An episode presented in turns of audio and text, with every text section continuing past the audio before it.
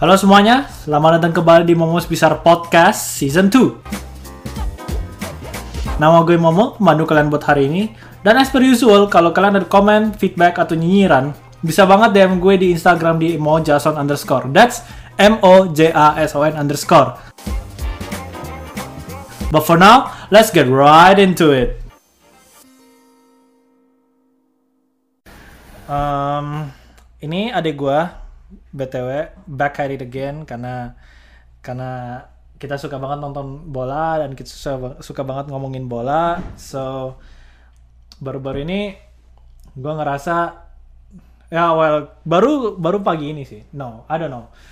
Baru pagi ini gue dapet oh ya pagi ini pagi ini gue dapet hasil gitu kan hasil bola gitu kan dan gue liat hasilnya obviously berhubungan sama Chelsea karena gue dukung Chelsea so um, gue merasa gue harus bikin episode gitu. Makanya gue ngundang adek gue karena adek gue sangat well versed in bola gitu. Jadi um, just give it take it away dek. Apa kabar lo Baik, baik. Uh, gue senang banget bisa balik lagi di podcast ini. ya dan gue seneng banget lo mau lo bersedia buat balik lagi ke podcast ini. Always good to have you as a guest. So um, obviously Liga Inggris Chelsea baru kalah, kalah dari Leicester City 2-0 dan menurut Yep, reports gue denger kalau Chelsea kalah dari Leicester City kemungkinan besar Frank Lampard bakal dipecat gitu. What do you think? Hmm. Sebenarnya eh gue kan obviously mungkin untuk viewers-viewers baru mungkin baru pada tahu kalau gue tuh eh mendukung Spurs ya. Jadi gue sebenarnya nggak terlalu tahu Chelsea itu kayak gimana. Cuman memang sih gue da- dari kemarin-kemarin mungkin sekitar dua bulan dua bulan tiga bulan lalu gue selalu ngeliat hasilnya Chelsea itu kurang bagus gitu ya. Kayak udah 6 atau 7 pertandingan atau 8 mungkin ya. Itu cuma ada dua win, terus banyak di antaranya itu adalah loss dan ada beberapa draw. Dan gua rasa itu bukan form yang bagus dan kalau misalkan kita lihat form table mungkin itu bisa bisa dibilang relegation form mungkin Ya, kalau misalkan ngomong form aja iya. Jadi gua rasa mungkin Frank Lampard bakal apa ya bakal kesusahan sih sekarang. Gua nggak tahu. Kalau gua kalau lu misalkan bilang dia bakal dipecat ah gua rasa masih agak terlalu cepet sih kalau jujur aja. Soalnya kita bisa lihat Arteta. Arteta kan awal-awalnya lumayan jelek dan cuma sekarang kan gara-gara gara-gara mereka eh, formnya bagus jadinya orang-orang pada nggak mikir Arteta out lagi and in a way mungkin Chelsea juga bisa bakal back in form. Dan gara-gara itu ya bisa aja mereka jadinya nggak Lampard out lagi. Jadi gua rasa mungkin kalau lu mau ngemecat manajer gua rasa lu harus tunggu sampai seasonnya berakhir. Jangan di tengah-tengah. Kecuali benar-benar emergency banget dan lu benar-benar jauh dari target. Sekarang ini masih half season dan dari top 4 sampai ke peringkat lu sekarang peringkat 8 ya kayaknya. Itu nggak jauh-jauh banget poinnya dan in a way bisa aja lu menang dalam beberapa match ke depan dan akhirnya lu balik lagi ke atas gitu loh. Hmm, kalau lu misalkan nge- lepas manajer lu sekarang ngemecat manajer manajer lu sekarang ya itu bisa bisa aja ini pemainnya jadi tambah apa ya tambah disrupt lagi. Soalnya lu bakal muncul dengan taktik baru lagi dan gaya berlatih baru lagi gitu. Jadi in a way gue sebenarnya ngerasa sih harusnya sih ya nggak perlu dipecat dulu sih sekarang ya. Well, I mean, lu kan tim rival, jadi obviously lu nggak pingin lu nggak pingin kalau form tim lawan lu lagi jelek terus eh, kalau pelatih dipecat gitu kan karena formnya lagi jelek gitu. But ya, gue iya iya ya mungkin salah satu alasannya juga sih gue kadang kalau misalnya ngeliat tim rival rival untuk spotnya gue itu gue pasti pengennya mereka nggak dapet hasil yang bagus iyalah. pasti gitu kan Iyalah. karena kita berebut satu spot yang sama kan Iya. ya gue nggak mau spot itu diambil gitu jadi ya pasti in a way gue juga bakal mikir gitu Ya, benar sih kata lo tapi maksudnya terlepas dari lo pendukung Spurs, um, gue tuh bingung banget. Gue tuh Frank Lampard tuh harus dipecat atau enggak karena gue tuh back Frank, gue tuh Lampard in coy sebenarnya. Cuma um, Hmm, di oke. fanbase gue kalau di Reddit semuanya bilang Lampard harus dipecat segala macam dan itu ini itu ini itu. Um, lu ngomong soal Arteta, Lampard tuh posisi dia lebih bagus dari Arteta gitu loh karena Arteta nggak punya pemain-pemain uh, top class apa world class gitu di tim dia kayak well Lampard udah ngabisin 200 juta uh, euro buat Kai Havertz, Timo Werner. Dan to be honest, it's pretty weird karena dari pembelian Lampard cuma dua itu doang menurut gua agak underperform gitu loh. Selebihnya menurut gua bagus-bagus aja. Jadi balik lagi ke Lampardnya. Ini Yeah, kayaknya lebih ke masalah taktik sih gitu, in my opinion. Uh, um, kayak kalau lu nonton pertandingannya Chelsea itu takut buat ngoper ke depan gitu loh.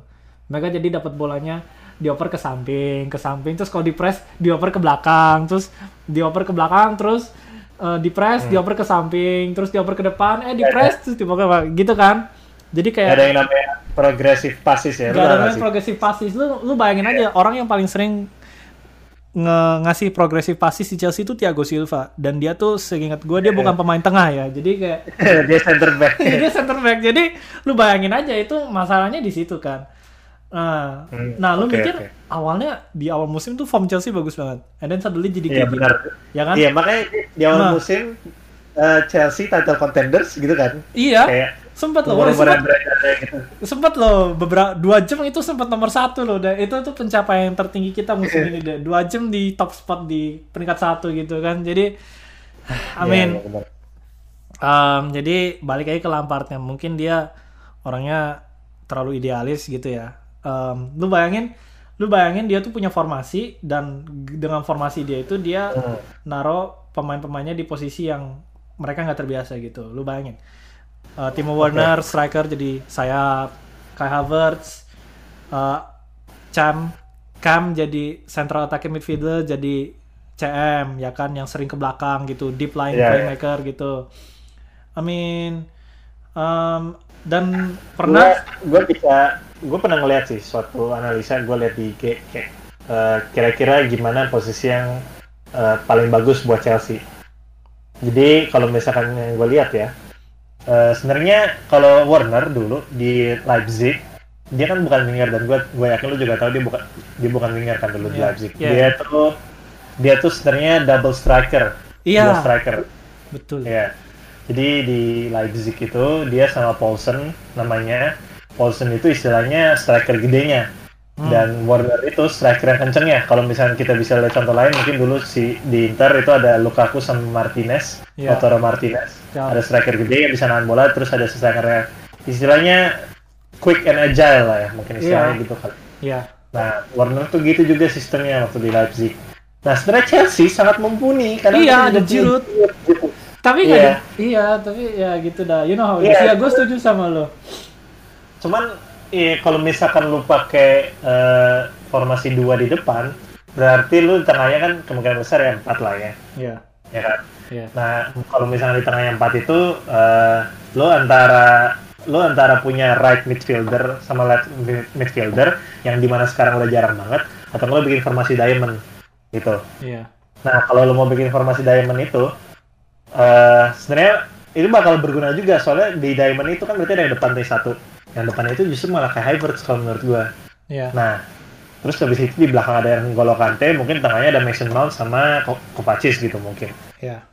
Gue mikirnya sih gitu, mungkin itu formasi terbagus Chelsea. Cuman kayaknya si Lampard ini dia hobi banget eh, nyerang dari samping, ya nggak sih? Iya, wah, gue setuju banget sama lo. Nah kalau misalkan pakai diamond, lu sampingnya biasanya bolong dan karena soalnya kebanyakan di, teng- di tengah gitu loh, Iya, ya kan? Karena diamondnya di tengah gitu, di sampingnya bolong. Nah cuman Lampard ini masih kurang mungkin istilahnya kurang fleksibel karena mereka ya mereka tuh sering banget mau pakai samping. Padahal nggak perlu nggak perlu perlu banget kalau memang sistem lo nggak nggak nggak perlu pakai samping mah ya nggak apa-apa gitu loh. Jadi mungkin gue mikirnya mungkin cara cara Chelsea menyelesaikan solusinya adalah kayak gitu. iya. Ya, gue setuju sih sama lo. Em, emang Lampard itu dia dia terlalu ngandelin pemain sam apa terlalu ngandelin attacking from the wide. Dan akhirnya lo tau gak sih istilahnya kalau di banter bola tuh cross and insya Allah gitu loh. Kayak bener-bener Iya, iya. ngandelin cross doang gitu. Dan obviously di depan situ yang bisa nangkep crossnya cuma Giroud doang. Dan Giroud itu uh, I mean he's a very good player. Tapi masa cuma dia doang gitu loh yang bisa nangkep bolanya gitu loh. Yang bisa nandukin bolanya kan Sekarang ini siapa sih yang di depan biasanya Tammy Abraham ya? Tammy Abraham, um, I mean Tammy Abraham is good, tapi lo nge- lo nggak pakai dia buat nge-cross gitu loh. Dia bisa apa heading in crosses, cuma itu bukan specialty dia gitu loh. Dia Iya, bisa dia punya hold up plays play. still ya. Eh, ya, gue setuju Oke, sama lo. iya. Maksudnya Iya, iya. kayak Karena Lampard tuh menurut lu, Hmm? gua gua bingung deh. Menurut lu kenapa Giroud kagak dipakai masih Lampard? Giroud tuh kadang-kadang dia tuh inconsistent. Gini-gini dia tuh dia tuh legit dia tuh truly a super sub menurut gua. Karena kalau dia di starter malah dia mainnya nggak bagus. Sometimes gitu ya kan. Um, makanya makanya akhirnya dia lebih sering jadi super sub gitu gue sih nangkepnya kayak gitu karena misalnya nih oh dia ada pertandingan jadi super sub wih gila dia mainnya bagus banget ngegolin atau ngasih gitu ya kan. Wih langsung lambat wah kayak bagus nih akhirnya di starter dia minggu depannya. Minggu depannya dia di starter Chelsea eh, dia mainnya malah nggak terlalu bagus gitu kan. Gua rasa dia lebih ke super sub sih. Em, sama kayak Tammy Abraham juga kayak mainnya bagus minggu depannya di starter mainnya malah nggak terlalu bagus formnya turun gitu kan. Jadi it's pretty confusing Um, tapi ya gue setuju sama lo. Formasinya kalau diamond itu yang paling ini bukan lebih ke formasi yang bagus secara taktis tapi yang formasi yang bisa menggunakan semua kemampuan pemainnya gitu loh. Yang paling Iya, bisa mengakomodasi pem- kemampuan pemainnya gitu loh. Dan ya, I mean kalau lu kalau lu bawa pemain-pemain bagus kayak gitu ya obviously lu mau bikin lu mau lu mau memanfaatkan skill mereka dong. Lu mau memanfaatkan kayak bagian yang paling mereka bagus dong. Ya nggak sih? Play to their strengths gitu. Iya, kalau nggak ya buat apa gitu loh? Lu beli Iya. mahal-mahal, akhir-akhirnya ya nggak lu pakai secara maksimal gitu loh. Iya, buat apa? Well, at least I mean pemain-pemain yang lain kepake semua dan mereka mainnya bagus. Ben Chilwell mungkin formnya akhir-akhir ini turun tapi uh, dia konsis dia apa ya? Dia reliable lah gitu. Edward Mendy, oh my god, lu bayangin kalau Kepa kipernya itu mungkin kita udah peringkat kita udah di bawah peringkat 10 kali deh sekarang. So dia dia saving grace kita sih. Um, terus Banyak Thiago- ya sih. Iya, Thiago Silva. Well, he's a very good guy. Tapi lu ujung-ujungnya lu nggak bisa setiap kali lu ngegolin, lu nggak bisa kayak lu nggak bisa ngandelin Thiago Silva buat nge ngehadang semua penyerangan dari lawan dong gitu. Kayak uh, Iya, either iya, way, terus. kayak de- pemain depan-depannya juga harus berperan gitu ya kan. Masa semuanya dikasih ke dia gitu. Uh, Hmm. Ya, gua soal dia harus dipecat atau enggak, gua sempet mikir tapi akhirnya gue mikir ya sudahlah kasih dia sampai akhir musim lah gitu. Um, Hmm. karena Cuman- karena visi karena dia beli pemain-pemain ini dia punya visi dong ya nggak sih dia punya dia punya sebuah rencana gitu dan kita lihat rencana Iya. ini jalan atau enggak kalau enggak ya udah he can go gitu kalau Iya, kalau iya. bisa jalan ya bagus dia lanjut gitu kan kayak kalau kita kalau di tengah jalan tuh emang seringnya canggung gitu ya kan jadi ya Iya, iya. mendingan kita kita lihatlah kita meskipun ini bakal menyakitkan banget tapi um, give him until the end of the season gitu. After all kayak kalau fans Arsenal bisa bersabar apa kenapa kita enggak gitu loh. Ya mungkin masalahnya ini eh, Chelsea ini bukan tipe-tipe klub yang bersabar kalau gue lihat-lihat. Betul. Mereka ini sering banget mencat manajer kan. Iya. Iya, nggak tahu deh. Mungkin dalam satu dekade terakhir udah berapa kali manajernya. Kalau lo misalkan bandingin sama klub-klub lain, pasti Chelsea yang paling banyak gue yakin. Hmm. Jadi mungkin lo bisa bilang Chelsea sebaiknya bersabar gitu. Cuma kan lo kan cuma seorang fans. Gimana? Menurut lo kalau misalkan lo sebagai kalau lo ngeliat boardnya, menurut lo dia bakal bertahan nggak? Menurut gua menurut gua enggak.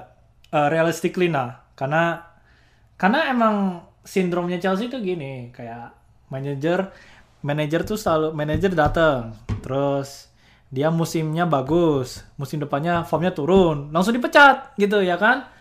Um, Iya iya. lu bisa lu bisa dari dari zamannya Mourinho sampai Lampard kurang lebih mirip banget gitu loh. Mourinho hoki aja Iya, dia bisa gua- bertahan lebih dari bisa bertahan lebih dari dua musim gitu. Musim pertama oke, musim kedua juara, musim ketiga turun, keluar. Siapa yang gantiin dia? Antonio Conte. Conte pertama kan, iya. pertama juara, kedua turun, keluar. Habis itu Sari. Pertama dapat Europa League, kedua bahkan dia nggak ada dua musim deh di di Chelsea deh. Ya, satu satu beres dapat Europa League langsung ke Juventus kan? langsung ke Juventus dia terus Juventus dia dipecat juga so you know kesian dia Ya, terus sekarang Juventus- Lampard Lampard nggak dapat apa-apa terus musim kedua turun keluar gitu kan Ah, I mean. Aduh. Iya. ah kemungkinan. gue gue pingin dia bertahan sih dan banyak fans Chelsea yang gue lihat di Reddit itu mereka tuh kayak pingin banget dia bertahan tapi um, mereka ngerasa oh dia kurang pengalaman lah ini itu ini itu tapi kayak gue Kalau lu ngeras, Hmm? sorry sorry, mau mau motong lanjut aja dulu. uh, argumen gue adalah lu mau kita ngelanjutin tren kita ngemecat manajer setiap dua musim gitu loh itu tuh come on sabar dikit lah iyalah maksudnya it, alasan-alasan lu pada buat pingin Frank Lampard keluar tuh bagus banget dan gue setuju. To be honest realistically gue gak ngerasa dia bakal bertahan sampai akhir musim. Tapi for now gue ngerasa you know what um, ya kita tunggu sampai akhir musim lah karena visi dia belum jalan gitu. Kayak kita belum lihat plan dia apa gitu. Gitu. Hmm, oke. Eh, kalau lu ngelihatnya kayak sekarang ini lebih banyak yang eh, out atau in? out jauh banyak banget deh Hmm. banyak banget deh mean, Oke. dan gue bisa ngeliat Frank Lampard tuh kesalahannya secara taktis juga kentara banget gitu. Kayak yang tadi lu bilang formasinya agak formasinya terlalu kaku gitu kan. Em, dan dia juga nggak mema- memainkan dia nggak memainkan setiap pemain sesuai dengan strength-nya mereka. Dari this one time lo ingat gak sih? Em, mungkin pas lawan City ya. Jadi Pulisic sama Warner waktu itu lagi main ya kan nah terus di babak pertama mereka oke lah. Babak kedua mereka berdua ditukar deh posisinya deh. Langsung down deh dua-duanya deh performanya deh. Dan gue nggak ngerti kenapa dia ngelakuin itu. Kadang-kadang mungkin masalahnya di Frank Lampard adalah kita nggak tahu logika dia tuh kayak gimana. Dan logika dia tuh kadang-kadang aneh banget kayak yang tadi gue bilang ya kan? Lampard apa warna Pulisic tiba-tiba ditukar dan tiba-tiba mereka langsung deep gitu kan. Terus sama Yeah. formasi dia terus sama sama the way sama the way kayak timnya akhirnya malah ke samping ke samping gitu kan. Kita nggak tahu deh itulah yang mungkin bikin fans Chelsea uh, frustrasi. Uh, fans Chelsea nggak ngerti taktik dia apa dan mungkin in a sense pemain dia juga nggak ngerti taktik dia apa gitu loh. Hmm, gitu. Oke oke. Gue jadi bingung deh kayak kenapa di awal musim kelihatannya bagus banget, cuman sekarang kayak tip gitu loh. ya gue gue juga bingung um, Oke. gue juga bingung sih. Gue gue kayak awal kalau kalau misalkan diputer ya kayak awalnya formnya deep terus sekarang bagus gue ngerti berarti mungkin pemainnya belum paham gitu. Cuman di awal musim itu pemainnya kelihatannya udah langsung langsung seret gitu loh satu sama lain. Ngerti harus ngapain dan bagus banget awal-awal gitu cuman sekarang kayak turun gitu. Jadi gue rada-rada nggak ngerti sebenarnya masalah di mana. Gue jadi kayak mikir pemainnya tuh sebenarnya awalnya tuh kayak udah awalnya percaya cuman sekarang udah nggak percaya lagi gitu loh. Ya. lost in faith udah yakin itu sih that's the case menurut gua. Kayak pemainnya pemainnya nggak percaya lagi sama dia mungkin udah nggak main buat dia gitu loh in a way. Kayak he lost the dressing room maybe. Um, tapi lu tau gak sih awalnya kita bagus karena this is this is gonna sound weird tapi awalnya kita bagus itu banyak banyak pertandingan yang ada si Hakim Ziyech ya kan? Hakim Ziyech tuh well dia kreatif banget sih menurut gua dan Oke. pertandingan yang dia nggak ada kita lebih sering kalah gitu loh oke Nah, dan tapi argumennya adalah masa form lu turun gara-gara satu orang nggak main gitu loh. Yang lu beli di apa di transfer window kan bukan cuma Hakim Ziyech doang, gitu kan? Hmm, Dan oke. kedua menurut gua Timo Werner ini dia confidence-nya lagi down banget sih. Ini semua bermulai ketika Jerman dikalahin Spanyol 5-0 di international break. Lu inget gak? Hmm, iya iya kan? benar benar. dan banyak yang banyak yang ngerasa kekalahan itu bikin confidence Timo Werner hilang gitu loh. Hmm, I mean, see. oh you can argue it's no excuse, tapi sometimes it just happens, ya kan? Iya, iya. Oke oke. Eh, Havertz main juga di yang 5-0 itu. I don't know. Uh, 5-0 Hmm. atau 5-1, gua nggak tahu. Tapi intinya kalahnya parah banget. Iya. Um, Havertz gua nggak tahu, tapi mungkin kalau gua bisa kasih excuse buat Havertz adalah dia kan dia kan kena covid ya. Kena covid ya? Ya, dia udah sembuh dan Oh. while recovering in- from COVID is a hard thing. Um, paru-parunya kayak nggak kuat gitu kan. Tapi well bukan cuma dia dan Timo Werner dong, ya nggak sih? Um, Iya. Karena kalau misalnya mereka berdua formnya lagi turun, kalau mereka nggak main, mereka kita mesti menang. Hanya here we are gitu kan. Hmm, Timo oke Werner tuh oke. menurut gue bagus sih. Dia um, work rate-nya tinggi banget. Dia rela lari ke mana-mana di lapangan dan lari dia juga cepet. Cuma finishing dia itu, oh my god, finishing dia tuh jadi bahan ketawaan di Twitter. Ah, gue kesian sama dia sebenarnya. Iya, iya. Gue juga sering banget sih ngeliat di Instagram itu banyak kayak kayak banyak banget dia yang missnya gitu loh dan Iya. ada satu yang gue nyari banget yang depan gawang Leeds Ah, itu itu gila sih. Itu dia itu malah jadi dianggap, wih Timo Werner clearance-nya bagus banget, golan clearance-nya bagus banget tuh di gawang lawan tapi dude Aduh. itu um, kayaknya itu lu tau gak sih kayak snowball one thing leads to Iya. another kayak dia miss sekali terus aduh dia terus habis itu dia miss lagi dan lagi dan lagi dan lagi dan lagi dan akhirnya dia nggak golin kesian sih dia. makanya ini kayak gue kalau misalnya udah kayak gitu gue jujur gue nggak terlalu ngerti sih belum terlalu ngerti gimana caranya soalnya kelihatan banget kalau dia konsisten dia tuh sering di posisi bagus untuk ngegolin iya tapi ada yang gol gitu loh Iya. Bener. Nah itu dah. Aduh, dia kalau dia kader gitu loh kalau dapat bola, mungkin dia jadi fobia bola sekarang. Oh my god, that's bad.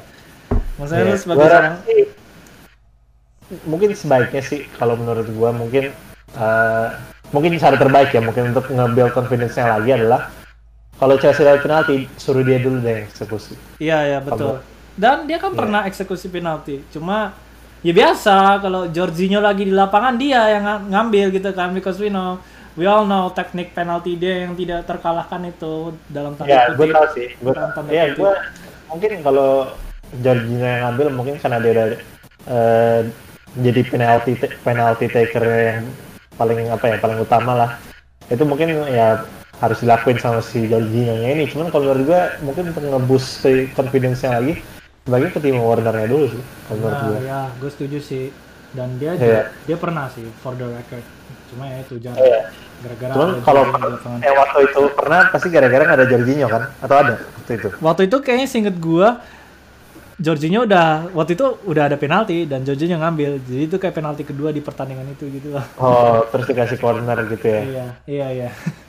Hmm, oke oke ya ya buat ke depannya lah buat ngebalikin lagi lah goal scoring formnya kadang itu bisa ngebus banget gitu loh walaupun penalti kelihatannya gampang dan sepele cuman kan lu tetap harus nahan nerves lu nah cuman in the end kemungkinan lu masuk ngegolin di penalti itu 70% gitu loh seinget gue pokoknya ada kayak statistik gitu gue pernah baca katanya kemungkinan lo ngemasukin itu 70% dan itu kan lumayan gede jadi kalau misalkan Warner bisa ngegolin ya bakal ngebus banget gitu dia berhasil berarti berhasil kayak ngegolin lagi gitu loh dan mungkin itu bakal jadi kickstart dia untuk kayak gol-gol berikutnya kalau menurut gue Ya. Hmm, Ya, gua setuju sih. deh. Eh, sama ya nggak tahu sih. Gue gue jadi keinget perkataannya Mourinho nih kok. Hmm? Dia dia ada bilang, eh ini gue mau minta pendapat lu deh. Menurut lu pendapat ini bener nggak? Hmm. Dia pernah bilang seseorang itu eh, sebenarnya tuh kalau misalkan dia main di posisi yang nggak sebenarnya, terus dia gagal itu sebenarnya cuma alasan doang. Jadi kalau menurut lu itu bener nggak? Um, menurut gua ada benernya. Kenapa? Lu bilang sendiri Timo Werner itu bukannya dia nggak pernah dapet chance, ya kan? Ya nggak Hmm. sih? Dia dia dia pemain dia main di situ bukan berarti dia nggak pernah dapet peluang dong. Karena kalau dia nggak dapet peluang dia nggak bakal dapet shots. Dia nggak bakal dapet shots, ya kan? Dan kalau dia nggak Yeah. dapet shots dia nggak bakal ngegolin. But kenyataannya dia sering dapet shots dan dia miss gitu, ya kan? Iya. Um, yap, jelas banget itu bukan posisi dia dan dia nggak semestinya bawa bola, dia lebih semestinya lebih sering dapat bola gitu, but um, nggak selalu loh dia yang bawa bolanya ke gawang. Kadang-kadang dia juga dapat bolanya gitu loh. Um, ada benernya, tapi dan again um, banyak yang berargumen Timo Werner bukan di posisinya dan gue juga setuju sih sama itu. Jadi uh, let's say Yeah. gue setengah setuju sama pertanyaannya per- pendapatnya Mourinho gitu. Hmm, oke oke. I see. Ya, ya well I mean verdict gue adalah Lampard semoga bisa bertahan sampai akhir musim karena kita it's gonna Yeah, be good. painful tapi um, ya emang namanya juga proses gitu kan. Um, Yeah. Namanya juga proses dan proses itu nggak selalu kita bakal menang terus. Meskipun banyak bakal banyak banget uh, akun Twitter yang bilang kayak oh Lampard harus dipecat apa segala macam dia udah beli 200 ngabisin 200 juta euro gitu tapi kayak well this is the process Eh, dan sampai dia dipecat yang mau nggak mau kita harus sama dia gitu loh Hmm, oke. Tau gak sih, gue ngerasa kayak stigma-stigma 200 juta itu menurut gue kayak eh, apa ya, in a way itu menurut gue agak salah sih. Soalnya gini loh, lu bisa nge-spend 200 juta karena lu dap- dapat pendapatannya itu udah gede. Gara-gara lu jual Hazard kan sama Morata kan, ya Iya. nggak sih? Iya, Nah, karena lu jualnya gede ya lu boleh nge-spend gede gitu loh. iya, iya. Kayak kayak Liverpool aja gitu. Lu boleh kayak karena dia ngejual Coutinho-nya tinggi banget, jadi dia, dia boleh nge-spend gede di Van Dijk sama Alisson. Nah, anyway, gue juga ngerasa ya kalau kalau lu misalkan jualnya gede kayak kayak Chelsea yang sekarang ini jual Hazard sama Morata, ya lu nggak apa-apa spend gede. Ya menurut gue jadi kayak stigma lu spend gede itu harus dilihat dulu dia ngejualnya gede nggak? Jadi ngeliatnya mungkin kayak net profitnya kali ya. Iya. kayak Ya, sih yang lu pakai gitu loh. yang ujungnya kita nge-spend bersihnya kita nge-spendnya kayak 6, 60 juta gitu loh. Nah. 70 juta gitu. 60 juta kan? Ya 60 juta kan? Dan itu juga sama gedenya kayak Spurs musim ini menurut gua jadi kayak stigma 200 juta tuh menurut gua nggak terlalu benar soalnya lu harus ngeliat itu netnya ya in a way jadi kayak i- in the end berapa gitu netnya dan akhir-akhirnya sama kan kayak Spurs 60 juta juga kan jadi hmm. gue sering agak kurang setuju loh dengan stigma itu. Nah kalau lu misalkan lihat Man City, nah itu yang baru menurut gue harus dikritisi gitu. Kalau misalkan dia mainnya nggak bener, padahal dia spendnya banyak banget gitu kan. Nah Ya, itu yang itu- baru dikritisi. gue denger Gitu itu loh. Ngabisinnya udah nyaingin sama Dephannya Inggris loh itu Man City itu Nah, Iya XP makanya. Debate. ya nggak mungkin cuma kayak itu banyak banget dan gini Iya. ya gue setuju sama lo yang satu yang kedua it's not like 200 juta semuanya itu flop ya nggak sih Iya. kayak Iya, benar. ujung-ujungnya yang paling mahal dua orang oh, oh, well, obviously yang paling mahal yang paling lu pantengin kan cuma it's not like selebihnya tuh flop Iya. semua gitu loh I mean they're pretty good ya kan dan Iya, even then beberapa, Bang. dua orang itu it's not like mereka bener-bener mandul banget gitu loh maksudnya mereka bu- it's not like mereka malah jadi bench warmer gitu loh ya nggak sih Iya. Nah, mungkin ba- balik lagi ke Frank Lampardnya belum tahu cara pakai pemainnya gitu Hmm, iya iya benar. Jadi menurut gua stigma yang beredar itu menurut gua agak salah sih kalau menurut gua. Jadi gua ngerasa mungkin kalau misalnya ada orang yang ngintip ah 200 juta dipakai cuman lihat Chelsea sekarang ini jelek banget gitu ya itu ya salah menurut gua. Itu sih. Ya, well, I mean, you know, namanya juga banter. Kadang orang ngomong sih. dulu baru mikir. Ya, oke. Iya. Itu- Gua juga kadang iya kadang kesel loh kalau ngeliat internet. Kadang tuh ngeliat mereka tuh sangat ignorant banget gitu loh. Ya nggak sih? Iya, ada beberapa argumen-argumen yang aduh sebenarnya ini nggak bener gitu loh cuman banyak yang lihat jadi orang pasti banyak yang berpikir kayak gitu gitu loh iya, ya kadang gue kesel aja sih sama internet iya. Nah, Eh, it lu- is, it is what it is. ya itu suara itu lah ya udahlah Hmm, ya moving on.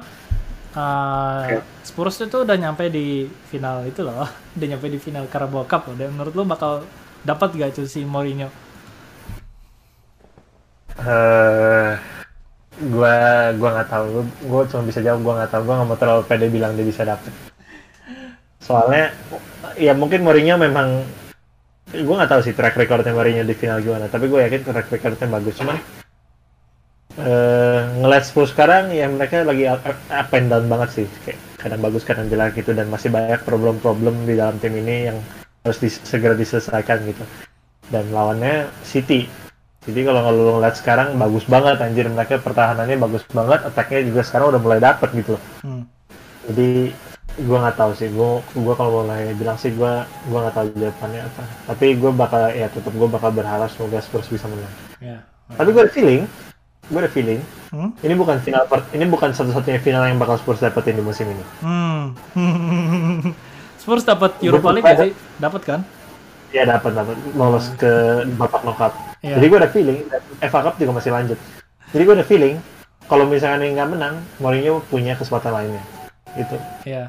Gue bakal bersyukur banget kalau bisa menang cuman gue nggak tahu deh gue agak-agak kalau agak-agak apa ya nggak 100% pede dia bakal menang lah 50-50 kalau kata gue masih jadi gue belum bisa berkata dia bakal menang Well, I mean ujung-ujungnya lo harus berharap, lo berharap uh, Pep Guardiola nggak menganggap serius gitu loh apa Carabao Cup gitu loh, karena Iya. Dia karena dia Masalahnya- karena kejuaraan dia kan lebih banyak dari lo kan. Ya nggak sih? Dia ada dia ada Champions Ah. League.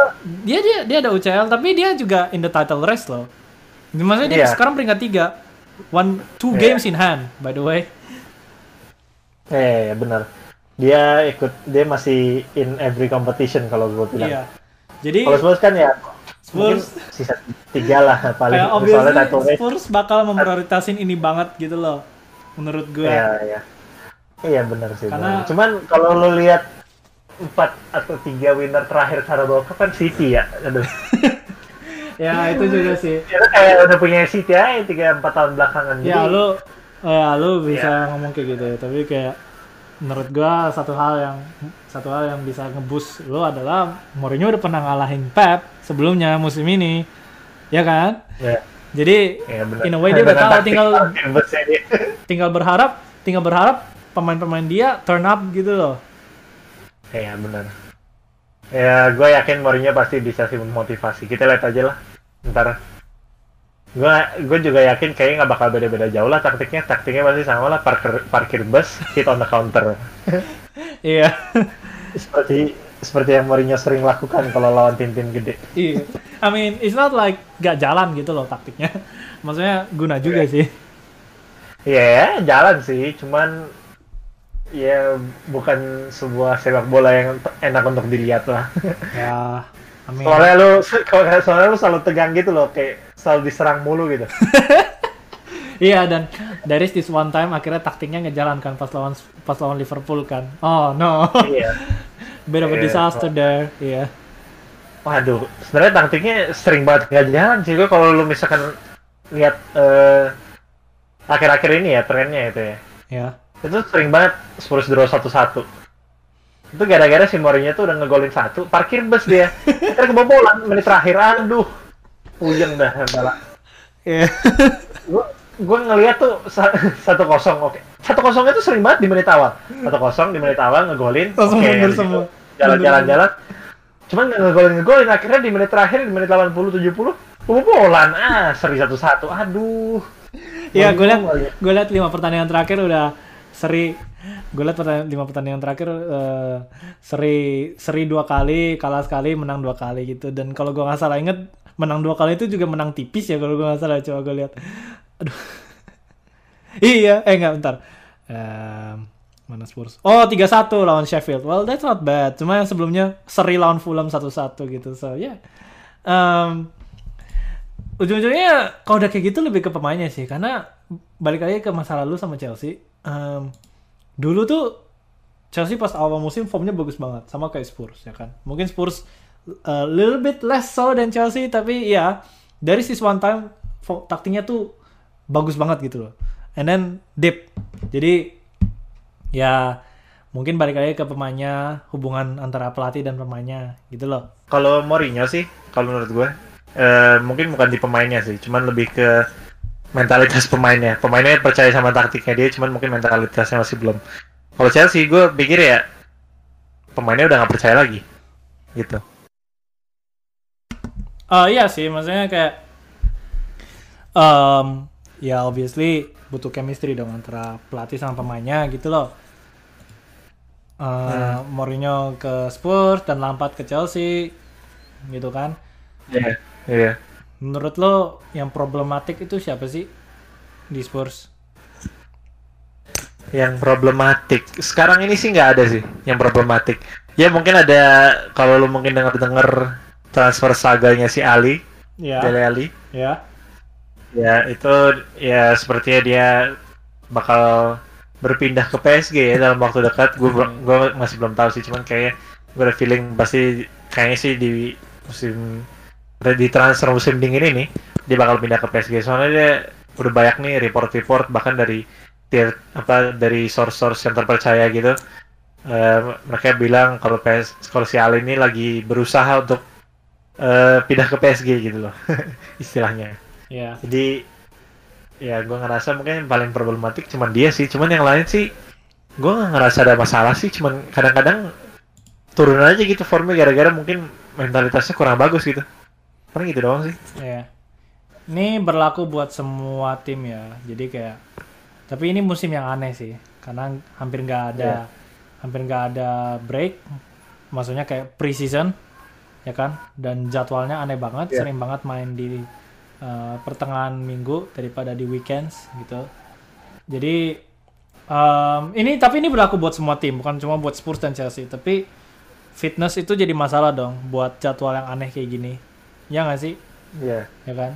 Dan Iya, iya benar. Obviously dari situ kita bisa lihat beberapa tim yang bisa bertahan kayak City, Liverpool, Leicester, ya kan? Dan ada beberapa tim yang kena gitu, ya kan? Kayak Arsenal, Iya. MU sempet dan obviously sekarang Chelsea gitu. Dan itu lu belum masukin tim-tim yang bertanding di kompetisi lain gitu loh. Ya, gitu kan? Kayak Chelsea, Liverpool, Spurs, City, ya kan?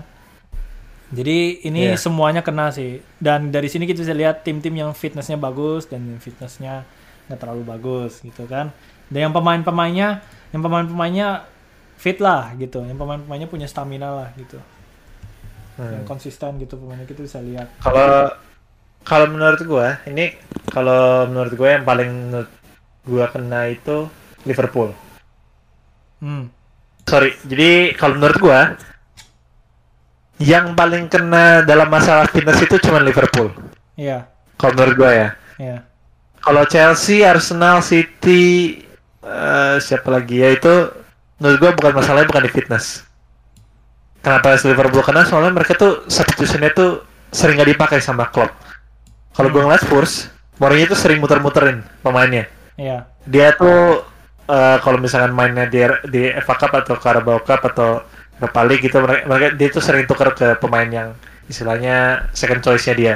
Hmm. Gua rasa Chelsea juga mungkin kayak gitu ya. Iya. Gua kurang tahu. Nah City juga dia sering nuker-nukerin. Kalau Arsenal juga dia sering. Kalau Arsenal beda sih. Kalau Arsenal beda kasus kalau menurut gue. Arsenal tuh pemainnya tuh lagi fresh banget. Gara-gara mungkin masih muda atau gimana gue juga kurang tahu. Cuman pemain mudanya sering dimainin. Cuman setiap permainan dia kelihatan fresh gitu. Iya.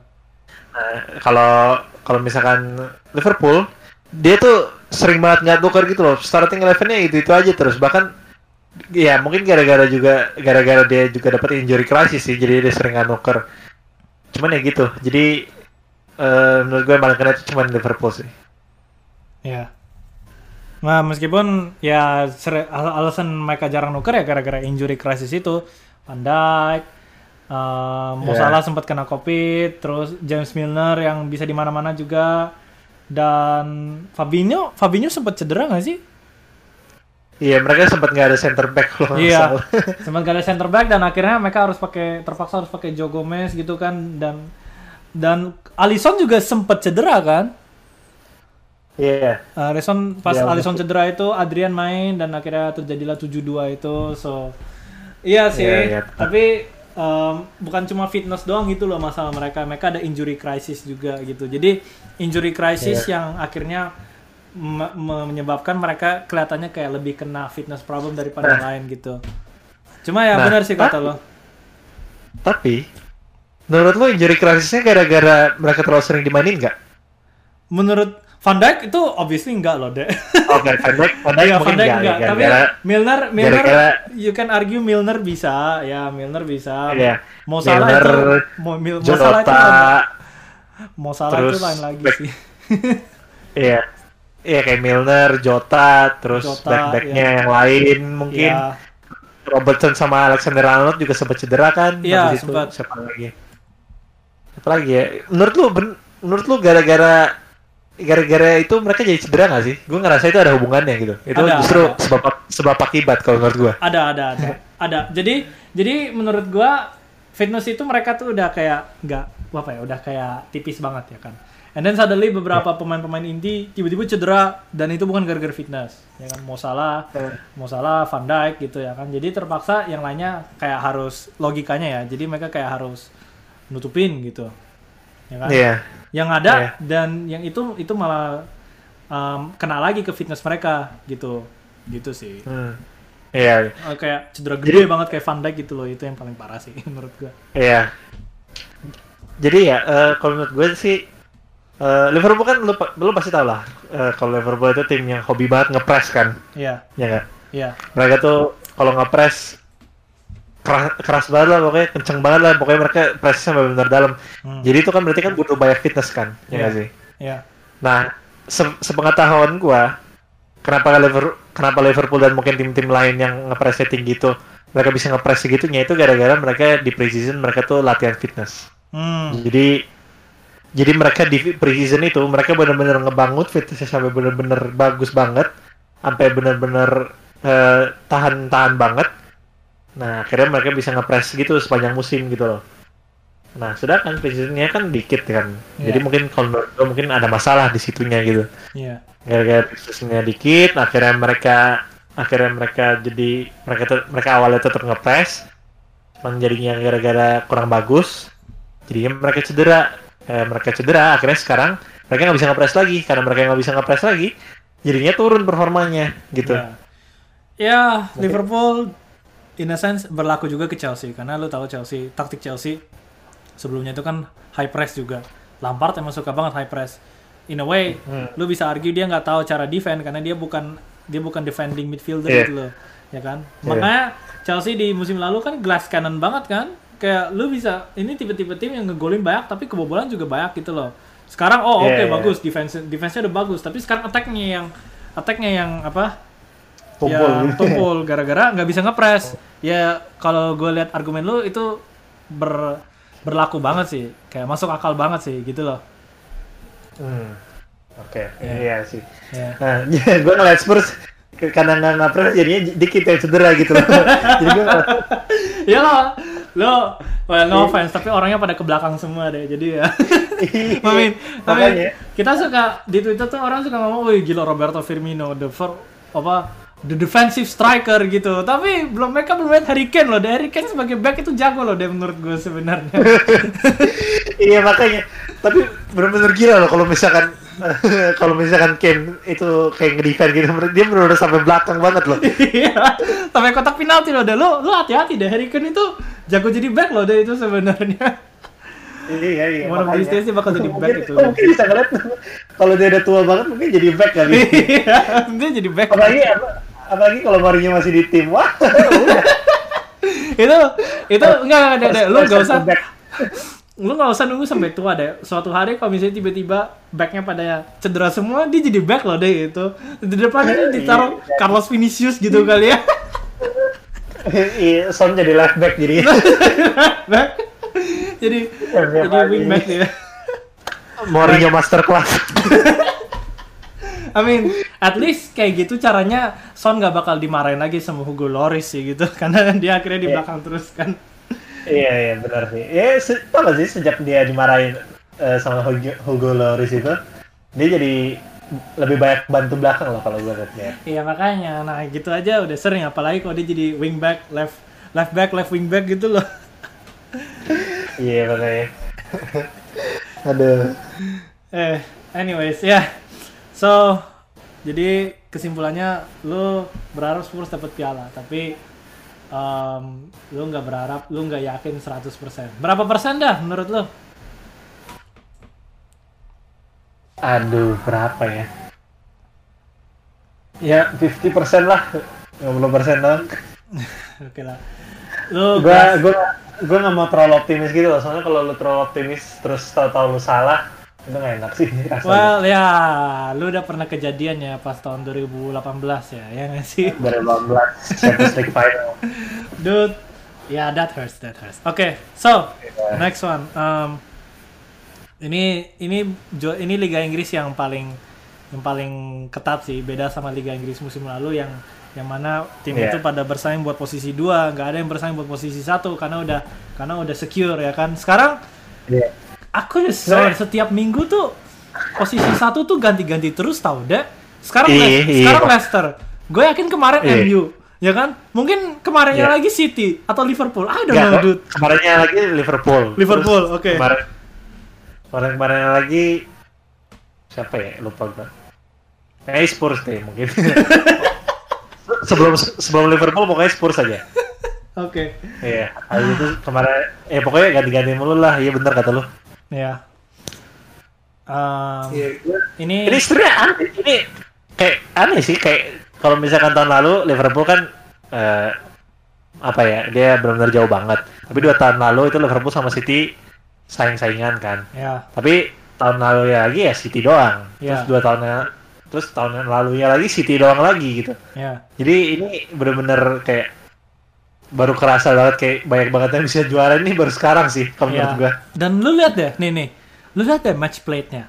Misalnya Leicester 19, MU 18, City 17 deh. Dan lu kalau turun lagi Aston Villa 15 deh.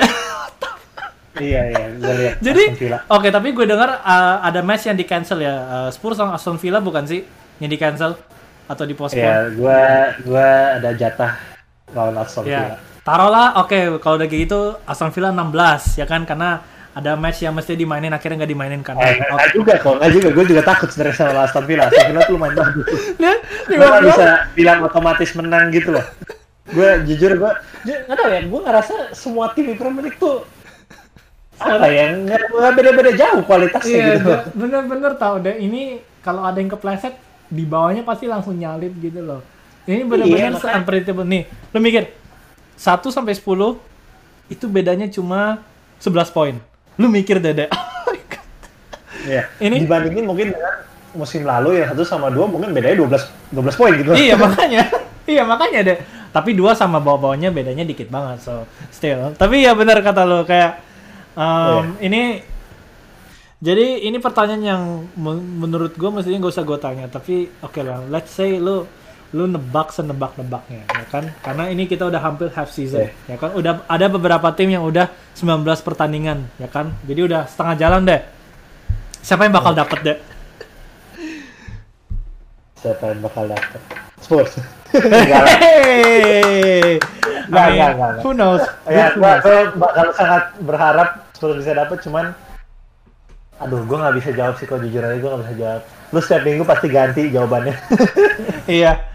Ah, lu gua gua nggak mau gua nggak mau jawab sih beberapa soalnya- minggu yang lalu lu nggak bakal ngira MU tuh bakal di top 3 loh, Dek. Setelah Iya. kalah 6-1. Sekarang dia peringkat 2. Jadi ah, ya. Iya, gua musim ber, mungkin awal awal gue bilangnya Liverpool.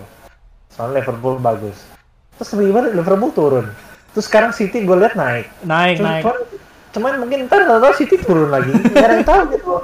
Gue gue nggak bisa nebak apa-apa musim ini. Ini masih ini masih terlalu awal untuk nebak-nebak. Padahal ini udah setengah musim gitu. Jadi nggak tahu lah. Kalau gue kalau gue disuruh tanya, kalau gue disuruh jawab siapa, gue nggak bakal bisa jawab sekarang ini mah. Iya.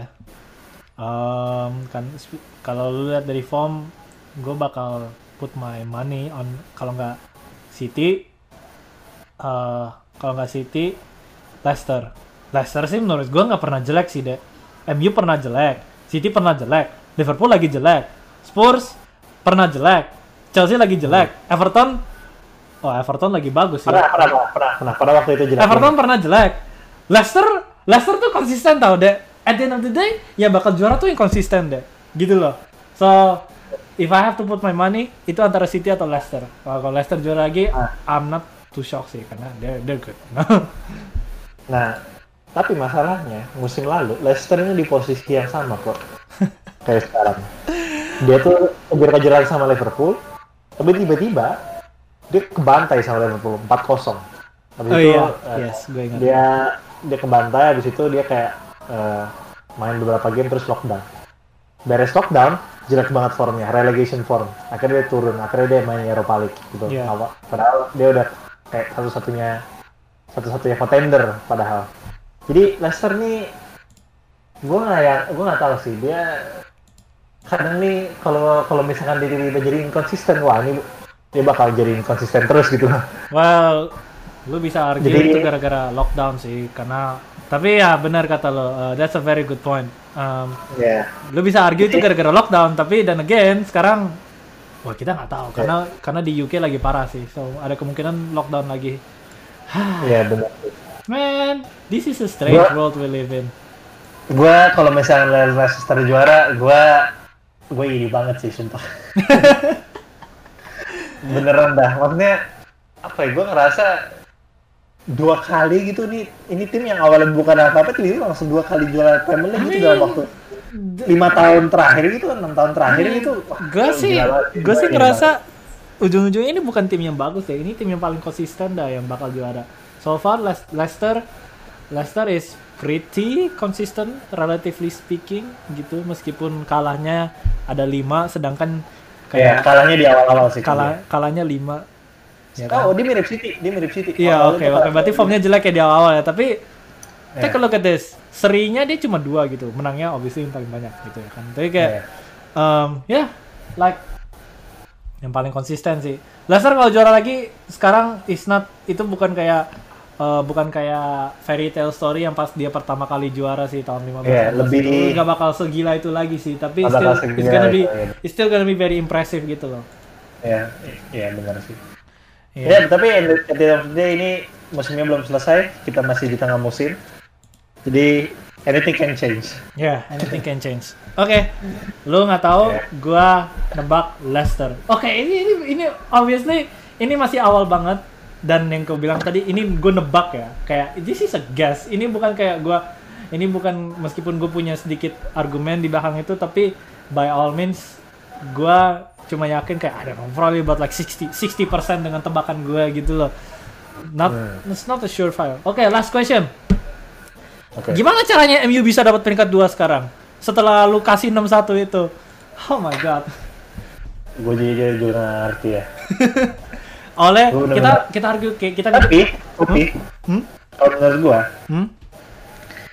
MU itu masih belum ngalahin satupun top 6 loh. Oke, ya kayak Chelsea lah. Top 10 belum ngalahin MU belum ngalahin top 6 gitu. Iya. Jadi Dan- mungkin lu bisa apa menurut lu kayak fixtures dia gampang gitu so far makanya dia bisa naik? Enggak, ya fixernya, fixernya ya, ya ada yang, dia tuh fixernya kayak nggak ada fixer susah gitu loh kalau menurut gua. Ya. Jadi dia eh, lawan yang lumayan susah, di situ dia gampang, terus ada satu yang susah terus gampang lagi. Kayaknya gue nangkepnya sih gitu sih. Hmm. Jadi eh ya dia dia bisa bagus gara-gara dia selalu menang lawan tim yang di bawah top 6 gitu loh. Hmm, ya well, maksudnya lu kalau bisa menang lu harus menang gitu dan lu harus ambil dan kalau mereka Iya. bisa bisa ngambil kesempatan itu ya bagus karena nggak semua tim Iya. bahkan tim toxic pun nggak semua tim bisa kayak gitu contohnya Chelsea ya kan so ya fair, Ah, fair- iya, fair dan- point Iya jadinya ya gue ngerasa ya dia top 4 dapat tapi nggak juara soalnya dia nggak bisa ngalahin top 6. ya well I mean gue gitu. hmm, yes gue setuju sih I mean kalau lu nggak bisa ngalahin yang deket-deket sama lu ya nggak bisa Iya. gitu ya Dia tuh saya selalu nyari draw tau kalau dia ngelawan top 6 kalau gue liatnya. Ya kan Ole kan kayak gitu. Ole itu nih. Oke tadi gue ngomong Chelsea top 6 tapi kayak it's not even top 6 anymore so let's not let's not let's not talk about that. Um, nih kita tuh suka ngomong, wih gila Ole tuh kalau dia lagi udah mau dipecat langsung jadi prime Fergie gitu ya timnya apa Yeah. dia, dia langsung jadi prime Fergie tapi setelah lu ngelihat MU sekarang lu nggak bisa kasih argumen itu lagi. Um, banyak yang bilang ini semua gara-gara Bruno Fernandes. Um, Iya, terlepas benar. dari penalti dia yang nyontek Jorginho, I think he's a very good player karena Iya. benar-benar pengaruh satu pemain yang bisa yang dia bisa kasih ke satu tim gitu loh, segede itu pengaruhnya. Gitu. Iya. Jadi ya, it's a very good buy in my opinion. Iya, menurut gue Bruno Fernandes kalau eh nggak Bruno Fernandes Harry Kane sih mungkin player of the season sejauh ini sejauh ini ya sejauh ini ya Oke oke.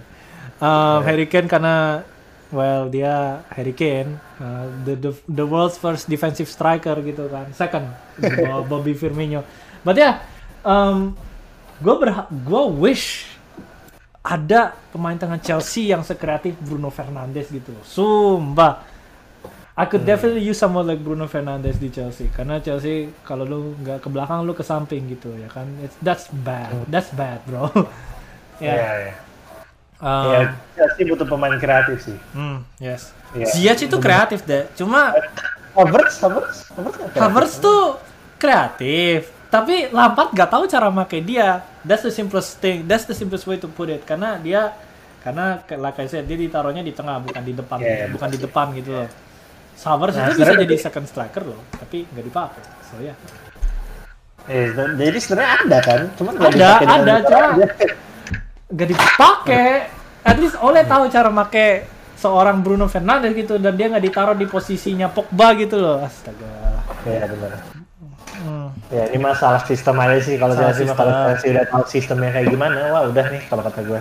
Ya, gua Pasti. semoga aja dia segera tahu sih karena Iya yang segera paling dapet lah. lucu tuh yang paling lucu tuh the whole fan base itu tahu kecuali dia gitu loh. Kayak the whole Chelsea mungkin tahu kecuali dia gitu loh. Dia yang bisa menentukan tapi dia yang kayaknya nggak tahu. Aku the sort mungkin pemain Chelsea tahu juga kali kalau Havertz gak, gak harus mestinya ditaruh di situ. Gitu loh. Ya Warner oke lah, lu bisa berargumen Warner terpaksa ditaruh di situ karena Chelsea lagi krisis winger. Pulisic waktu itu cedera, kalau Hudson Odoi waktu itu lagi cedera, Hakim Ziyech juga waktu itu cedera, jadi terpaksa dia yang ditaruh di situ. Sekarang, I don't really know. Hmm. Lampard itu, oh ya ngomongin soal balik lagi ke sorry ngomongin soal Lampard dan keputusannya yang suka aneh. Lu inget Fikayo Tomori nggak? Ya dia kan dimainin lagi kan sekarang. Dia ke AC Milan sekarang deh. Oh iya. iya. I don't get Iya, it. Sama kayak Tarik Lamti. Lu inget Tarik Lamti nggak? Lampard itu bagus loh anjing. Itu bagus. Gua nggak- itu yang gua nggak ngerti Lampard tuh di situ kayak why? You? Oh, kayak kayak itu mereka berdua ini bagus loh. Why would you? Bagus. Ah, Brighton lagi. Tomori- Sekarang jadi salah satu pemain terbaik di Brighton dia kan. Jadi kayak ah, that's that's on you bro, that's on you. Iya. Tomori gue dengar-dengar lumayan bagus tapi gue nggak pernah lihat secara langsung.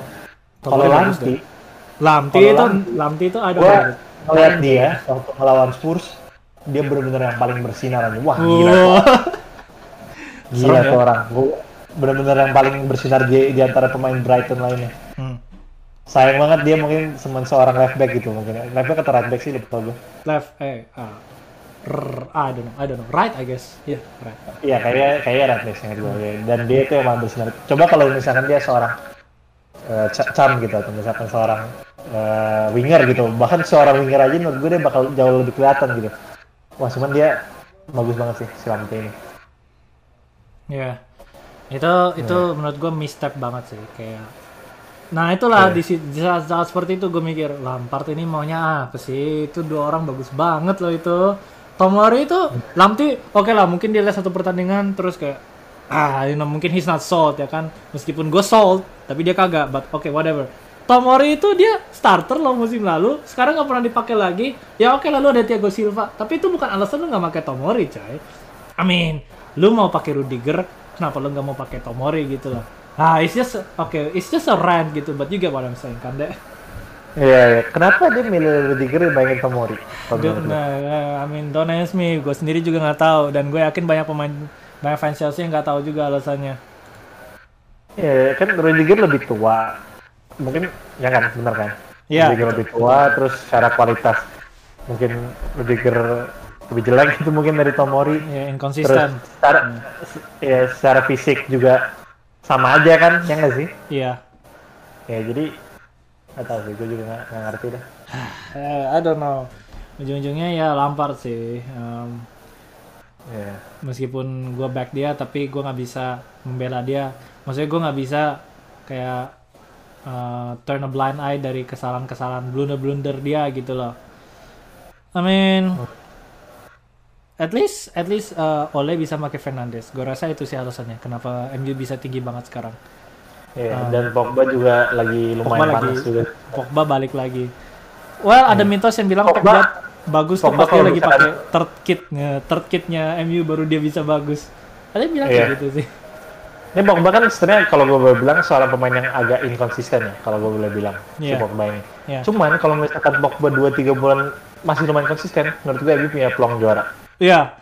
Yes, gue Ya. setuju. Jadi masalah masalah Pogba cuma perlu konsisten aja 2-3 bulan ke depan. Itu dia bisa juara kalau kata gue. saran gue sih kalau saran gue sih selalu mainin Pogba kalau MU lagi pakai third kit karena mengingatkan dia sama Juventus gitu ya kan, Iya. makanya dia bisa main bagus gitu. Iya dia setiap pakai third kit Jadi- selalu mainnya bagus. Jadi setiap kali MU away terus ternyata harus pakai third kit, langsung taruh Pogba gitu, starter gitu. Eh, dapat itu santai Iya. aja sih. Iya, sih. So ya, oke. I guess, I Oke guess that's it uh, perbincangan kita buat hari ini. Lo ada yang mau lo tambahin nggak? Ya, gue berharap semoga Chelsea bisa menemukan jalannya kembali deh. Cuman jangan cepet-cepet ya ntar aja deh. of course, sialan lo emang. Tapi ya sih, gue setuju sih. Semoga Chelsea formnya bisa balik sih. ya, ya kalau kalau dapat form lagi ya Europa League deh gue biar gue yang dapet Champions League gitu. Dude, I'll take I'll take Europa League. Champions League itu terlalu berprestisius tau. Kayak kadang-kadang gue kadang-kadang gue bisa ngeliat Chelsea, aduh ini Chelsea Chelsea bisa tembus 16 besar aja udah bagus banget. Ya kan? Lawan siapa ya? Gue lupa ya. Si, si Chelsea. Lawan siapa sih? Atletico Bukan 16 besar. deh. Mereka melawan Atletico Atletico. deh. Lu lu Oh, man. dengan form kayak gini lu mau ketemu Atletico udah lama deh. lu ketemu Bayern Munchen kali deh udahlah. Udahlah. No hope deh, no hope, no hope gitu loh. Yang yang pasti Chelsea kayaknya nggak bakal ngejebolin. Kalau masalah itu defend aja nggak nih? gitu doang. Lo Atletico tuh gak usah gak usah nyerang deh. Legit gak usah nyerang deh. Sumpah itu gak bakal bolong Iya. itu anjing. Iya, Atletico kan serangannya ya nggak terlalu bagus kan. Mereka seringnya menang 1-0 gitu. Ya. Jadi, jadi berharap aja semoga lu nggak kebobolan. Kalau soalnya kalau udah kebobolan Udah susah udah dah. udah susah udah no hope no hope. Udah no hope deh semua. Kalau udah kebobolan udah no hope deh itu. Ah, Pakai London ditunggu dah. ya ditunggu dah gua I'm not looking forward to it tapi ya I guess